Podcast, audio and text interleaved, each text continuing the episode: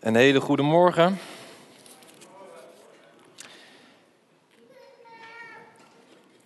Het is fijn om met elkaar avondmaal te vieren. Dankjewel. En met elkaar brood en wijn te delen en te denken aan onze Heer Jezus.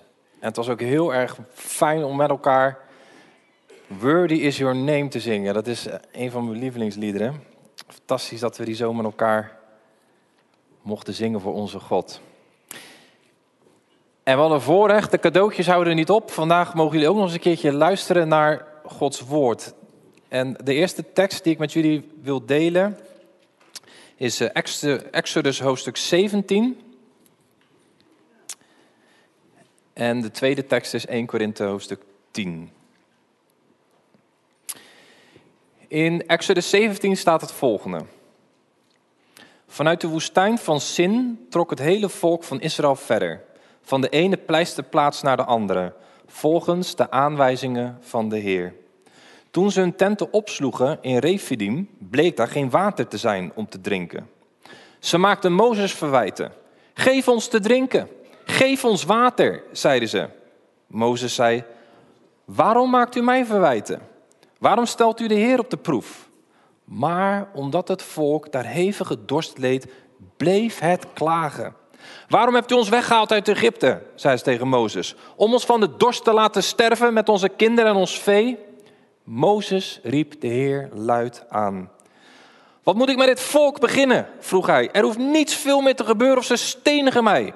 En de Heer antwoordde Mozes: Ga samen met een aantal van de oudsten van Israël voor het volk uit. Neem de staf waarmee je op de nel hebt geslagen in je hand en ga op weg. Ik zal je opwachten op de rots bij de Horeb. Als je op de rots slaat, zal er water uitstromen, zodat het volk te drinken heeft.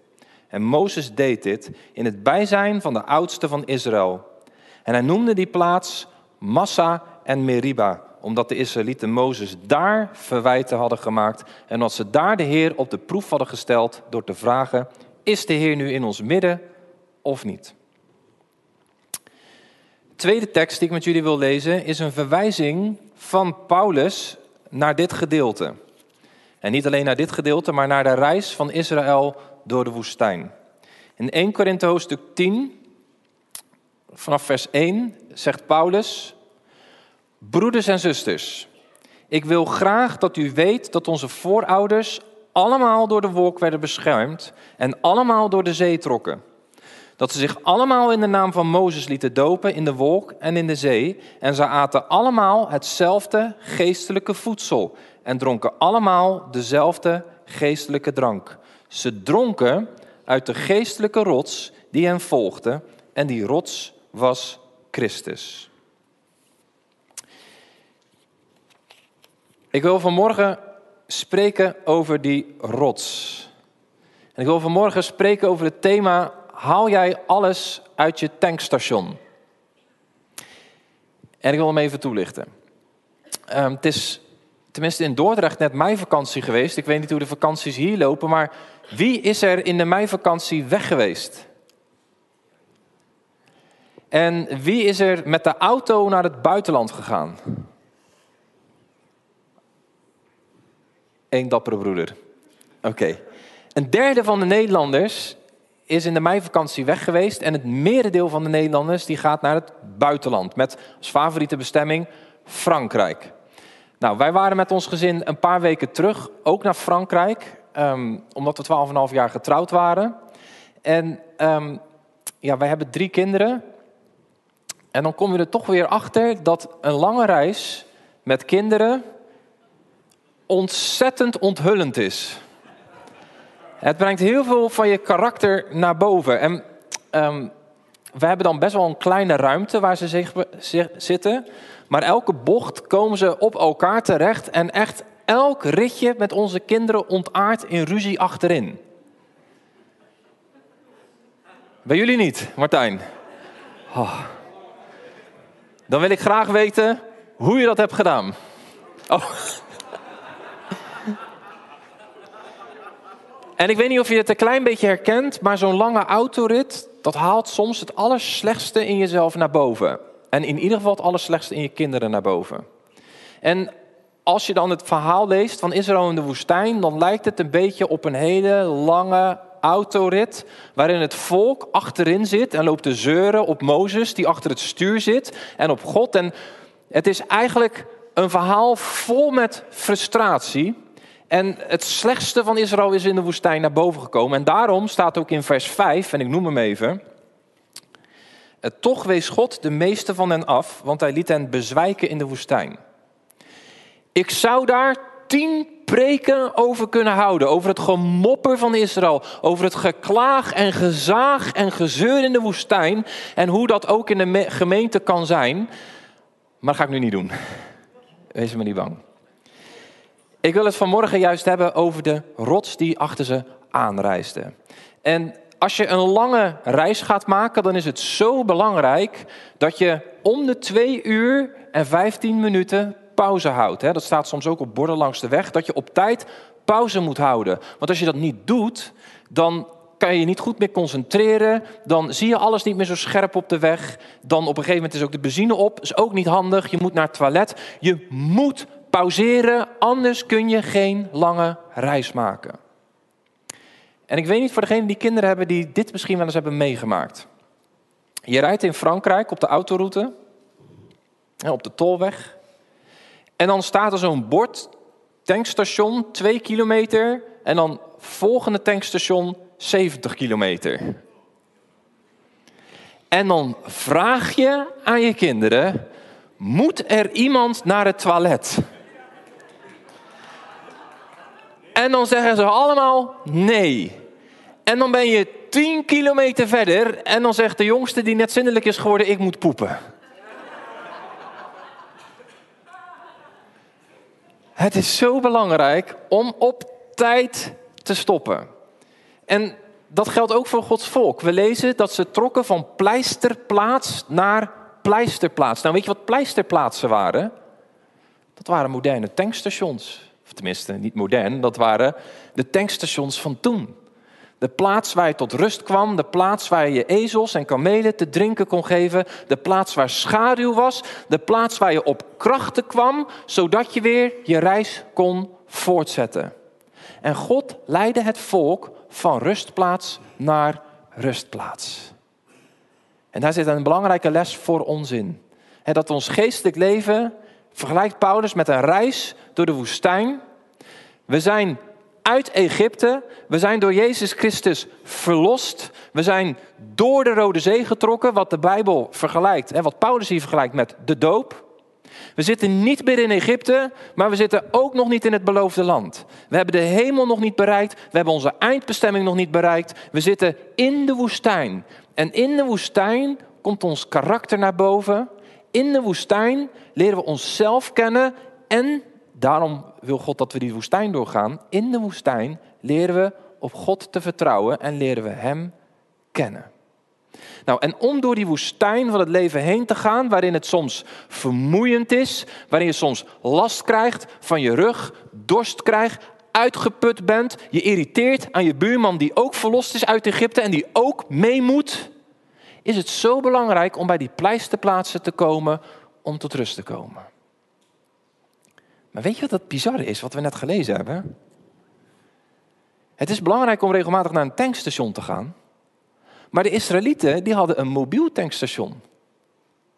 Het tankstation, de voorziening, de rots, reisde achter ze aan. Is je dat wel eens opgevallen? Of lees je daar ook heel vaak overheen? Maar Paulus zegt hier, ze dronken allemaal dezelfde geestelijke drank. Ze dronken uit de geestelijke rots die hen volgde. Ik weet niet, maar heb je wel eens een rots, een volk zien volgen?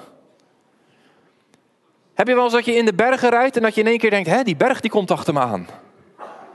Nee. En het is al helemaal niet zo dat je over de snelweg gaat en dat je denkt, ik heb net getankt, maar volgens mij zit de Esso achter me aan. Dat je in je achteruitkijkspiegel kijkt en dat je zo ziet dat het tankstation je volgt. Nee hè? En hoewel Israël van pleisterplaats naar pleisterplaats ging, was het zo dat de geestelijke rots toen al Jezus Christus achter het volk aanging. De Heer ging niet alleen voor het volk uit, hij ging ook achter ze aan om telkens met zijn voorziening aanwezig te zijn wanneer het volk hem nodig had. Telkens als het volk dorst had, telkens als het volk honger had, telkens als het volk behoefte had aan brood, aan vlees, aan voorziening, aan schaduw. God was er. Hij was elke keer beschikbaar. Elke keer reisde hij achter zijn volk aan. En waar maakte ze Mozes verwijten over? Dat ze juist daaraan twijfelden. Meriba. Is God in ons midden of niet? En Paulus die haalt die reis aan. En Paulus die leert ons een geestelijke les eruit. Want hij zegt, toen al was het zo dat alles wat God Israël gegeven had in de woestijn, door Jezus Christus gegeven werd. Christus de rots. En dat betekent dat voor onze reis door de woestijn, onze reis door de moeilijkheden in het leven, onze reis met al die obstakels en al die frustraties en al die pijntjes en al die moeites die we tegenkomen, ook daarin reist Jezus Christus achter ons aan en is hij telkens beschikbaar als ons mobiele tankstation. Alles wat wij nodig hebben voor ons geloofsleven is in Hem te vinden.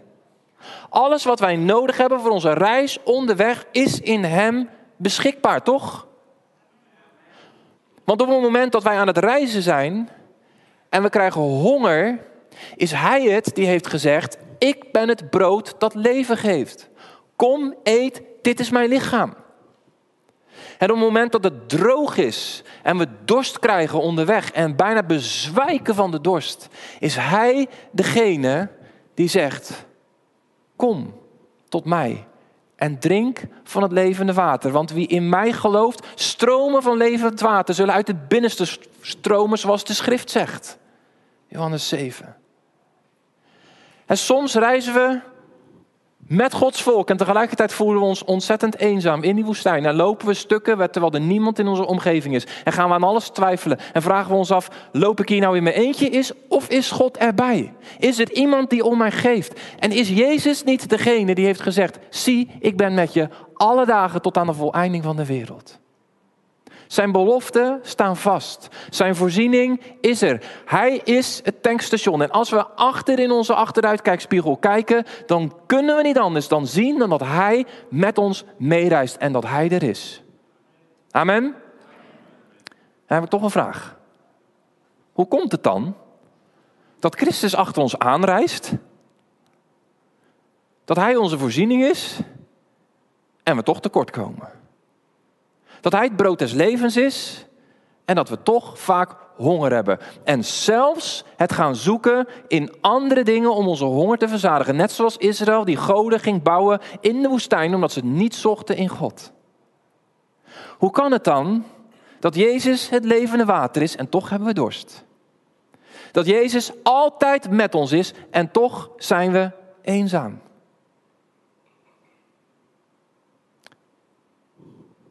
Klopt het dan niet wat er in de Bijbel zegt over Jezus? Is hij dan toch niet onze rots? Heeft hij gezegd: Zie, ik ben met u op kantoordagen van 9 tot 5 en maak maar een afspraak? Heeft hij gezegd: Kom en drink van het levende water, maar niet te veel, want er is niet genoeg? Nee. Als je in je achteruitkijkspiegel kijkt, als je naar Christus kijkt, dan zie je dat het tankstation altijd aanwezig is. Dat er altijd voorziening is. Dat er altijd genezing is. Dat er altijd vrijheid is. Dat er altijd vrede is bij de vredevorst. Alles wat wij nodig hebben is in Hem te vinden. Maar Hoe wil Hij ons dat geven? Hoe wil Hij ons het levende brood geven? Hoe wil Hij ons het levende water geven? Hoe wil Hij ons zijn vrede geven? Hoe wil Hij ons zijn voorziening geven? Weet je wat mooi is? Wat is de plaats waar Christus is? Waar Hij ons voedt? Wat is de plaats waar Hij ons verzorgt? Waar Hij onze wonden verbindt? Wat is onze plaats? Wat is de plaats waar Hij ons geneest, waar Hij ons leven geeft? Hier. Hier. En dan bedoel ik niet dit gebouw, maar waar Gods kinderen samenkomen. Want dit is het bijzondere. Wij zijn met elkaar reizigers in de woestijn. We gaan allemaal ons eigen pad. En tegelijkertijd is de bedoeling dat we allemaal op dezelfde bestemming aankomen, het beloofde land. Maar wij vormen met elkaar het lichaam van Christus. En dat betekent dat deze plaats een mobiel tankstation is, een pleisterplaats op zondag en ik hoop ook door de weeks, waar we komen om verkwikt te worden, waar we komen om verfrist te worden, waar we komen om te drinken, waar we komen om bij te tanken, waar we komen om gevoed te worden zodat we weer proviand hebben, zodat we weer kracht hebben, zodat we weer energie hebben, zodat we in onze wonden weer verzorgd zijn, zodat we door kunnen gaan door deze wereld heen. Amen. Maar het mooie is, je bent niet alleen hulpbehoevend, zo van, oh, ik heb bijna geen kilometers meer op mijn, heb, de brandstof is bijna leeg, ik moet heel snel tanken, oh, gelukkig is het bijna zondag. Maar je bent ook het tankstation. Ik hoorde net iets over een ieder heeft iets diensten. Dat klinkt ontzettend goed. Dat komt uit 1 Korinthe 14. En dat is ook een idee wat Paulus verder uitwerkt. Wij vormen met elkaar een mobiel tankstation. En ieder heeft iets wat de ander nodig heeft. En dat is het mooie aan de gemeente. Dat is het mooie aan het plan van God. Want stel je nou voor soms zeggen mensen, ja, maar je moet niet op mensen vertrouwen, je moet op Jezus vertrouwen en Jezus alleen. Dat is allemaal waar, dat is allemaal waar. Maar je zou daaruit de conclusie kunnen trekken, dus ik heb andere mensen niet nodig en ik doe het alleen met Jezus. En ik luister een paar podcasts en ik zit alleen op mijn kamer en ik heb mijn stille tijd en mij de Heer. En, en wij kunnen alles samen aan. En andere mensen en andere christenen heb ik allemaal niet nodig.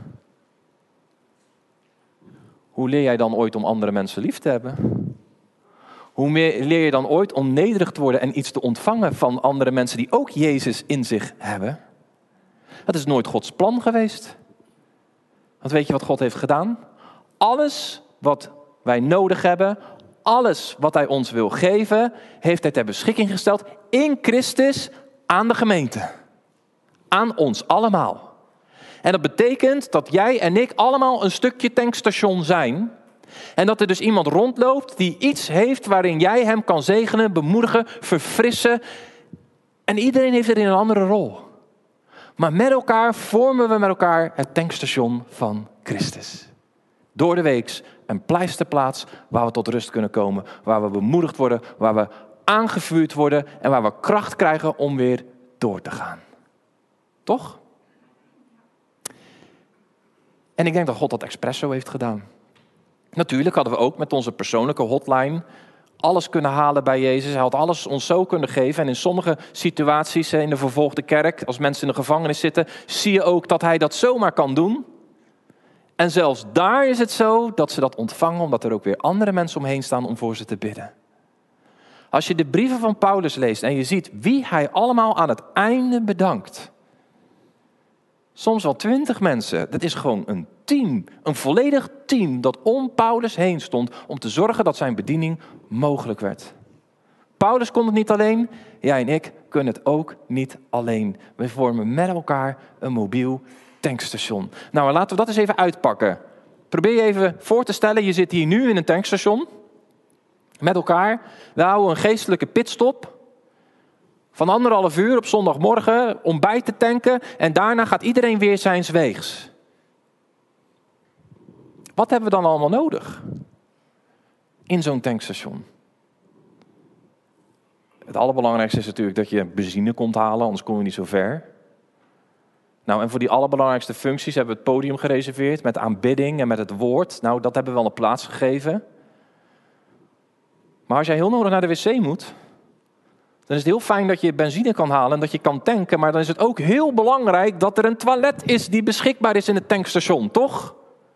je dat trouwens ook wel eens meegemaakt in Frankrijk? Dat je heel nodig naar het toilet moet en dan kom je om kwart over negen en is het tankstation dicht. Dan is het wc al afgesloten. En soms kom je hier ook met opgestopte geestelijke darmen, ik noem maar even zo. En is het belangrijk dat er ook mensen zijn, vergeef me het woord, waar je stront kwijt kan. En die naar je luisteren. En, en, en die je zo'n veilig gevoel geven dat, dat, dat je wegloopt, dat je denkt, zo, ik voel me net zo opgelucht als dat ik naar het toilet ben geweest. Ook dat is nodig in het tankstation. Je hebt het ook nodig om te kunnen drinken. Je hebt het nodig om broodjes te kunnen halen. Koffie is belangrijk in het tankstation. En niet iedereen kan benzines geven. Niet iedereen kan naar de stront van anderen luisteren. Niet iedereen die kan brood geven. Maar iedereen is nodig en een ieder heeft iets. En met elkaar vormen we een tankstation. Nou, en als dat zo is, en dan ga ik een hele spannende vraag stellen. En we komen op zondag bij elkaar en we komen door de week bij elkaar. En het is zo dat een stukje van Jezus die de ander nodig heeft aan jou gegeven is. Wat is dan hetgeen wat jij die ander gaat geven? Wat is dan hetgeen wat jij voor die ander kan betekenen? Wat is dan hetgeen wat je in Jezus Christus aan die ander te bieden hebt in dat tankstation? Want we zijn heel erg gewend om te denken van ik moet naar het tankstation, want ik heb iets nodig en ik moet iets halen en dat is belangrijk. Dat is zeker belangrijk. Het is even belangrijk om iets te halen en hulpbehoevend te zijn. Maar zelfs als je hulpbehoevend bent, kun je ook iets geven. Is de eerste vraag om over na te denken. Wat heb ik eigenlijk te geven in dit tankstation? En de tweede vraag, en die is voor de hele gemeente, die is wat spannender. Daarom heb ik van tevoren ook even met Laura gebeld. Dus ik denk voordat ik de boel weer op stel te zet. De tweede vraag is, halen we met elkaar alles eruit wat Jezus ons wil geven? Halen we met elkaar alles uit ons tankstation. Als we bij elkaar komen. En alle gaven talenten die God aan ons gegeven heeft. En alles wat Hij door de geest heen, door ons heen wil doen. Halen we daar alles uit? Of hebben we misschien te veel eenzijdige aandacht op benzine of op juist op, op, op het, het luisteren naar andermans scheid of noem het maar op. Is het in balans?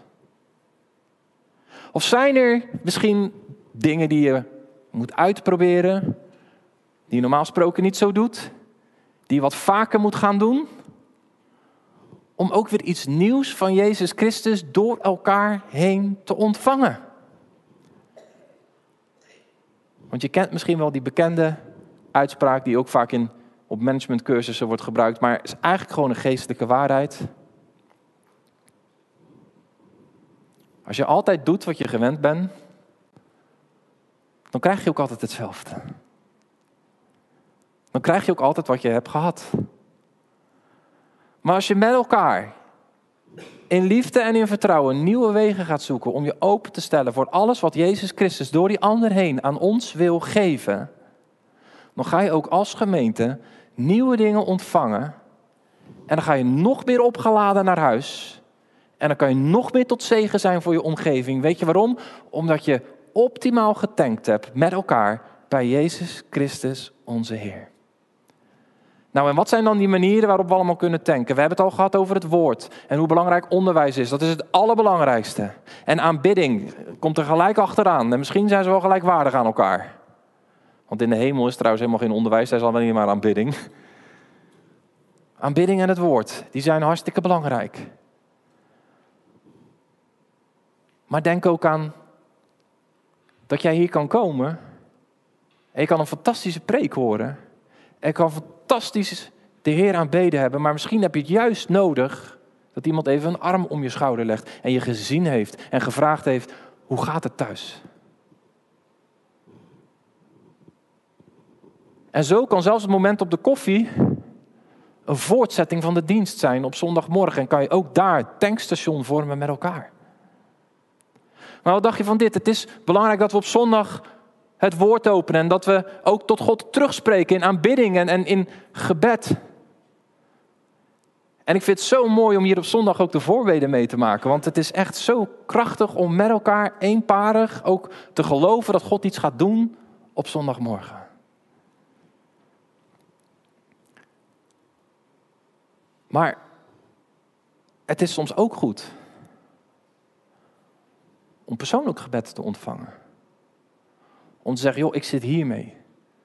Kan jij mij even de hand opleggen? Kan jij een moment met mij bidden? Kan jij even in geloof samen met mij ergens voor staan? Want ik, ik, ik zit er doorheen en ik zie het gewoon even niet meer zitten. Maar misschien kan jij me verder brengen dan waar ik kom. weet je wat daarvoor nodig is? Onderlinge liefde, onderling vertrouwen, waardoor we ook open worden naar elkaar. Ik vond het zo heel mooi dat er net ook iets gedeeld werd over in het licht brengen. Ik zit even te kijken waar. Ja, over in het licht brengen. En wat ik zo heel mooi vond, was dat je daaraan toevoegde dat er geen veroordeling is in Jezus Christus. Dat is het probleem vaak ook niet. Het probleem is vaak dat we veroordeling voelen bij elkaar.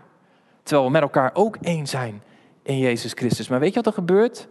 Als die liefde groeit, als het onderlinge vertrouwen groeit, dan wordt ook dat, dat stukje van dat tankstation dat we in het licht durven te komen, dat we onder onze motorkap durven te kijken, dan durven we ook elkaar onze wonden te laten zien en kunnen we elkaar ook verbinden. En op het moment dat je dat bereikt met elkaar als gemeente hier in Tiel, dan wordt dit een fantastisch tankstation. En er zijn al zoveel ingrediënten hier aanwezig. Er is al zoveel moois in deze gemeente. En toch wil God nog zoveel toevoegen aan wat jullie al hebben. En vanmorgen wil ik het volgende doen. Gewoon even, alles, alles kan even anders. Um, vanmorgen dacht ik aan die tekst van Jezus over stromend water. Kom tot mij als je dorst hebt. En soms kom je ook op zondag hier omdat je gewoon een aanraking van God wil. Dat je verlangt naar zijn aanwezigheid, omdat je merkt, ik sta droog in mijn geestelijk leven.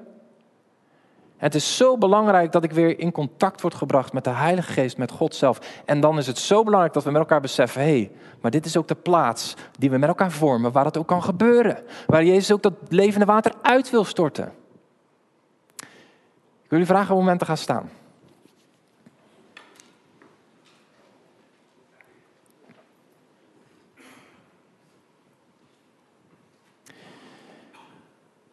In het kader van mobiele tankstation, hou hem nog even vast.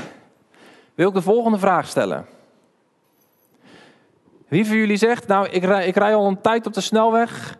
En als ik naar mijn dashboardkastje zie, dan, dan weet ik dat ik brandstof nodig heb. Dat ik levend water nodig heb. Dat ik een aanraking van de Heilige Geest nodig heb in mijn geestelijk leven. En ik ben moedig genoeg vanmorgen om als het ware mijn richtingaanwijzer aan te zetten van de snelweg af te gaan, tankstation binnen te rijden en te zeggen: Ik moet tanken. Ik heb meer van God nodig. Als jij dat bent, dan wil ik je vragen om een moment naar voren te komen. Ik ga je nog niet vertellen wat we gaan doen. Maar vertrouw me, je gaat niet dood. Dankjewel.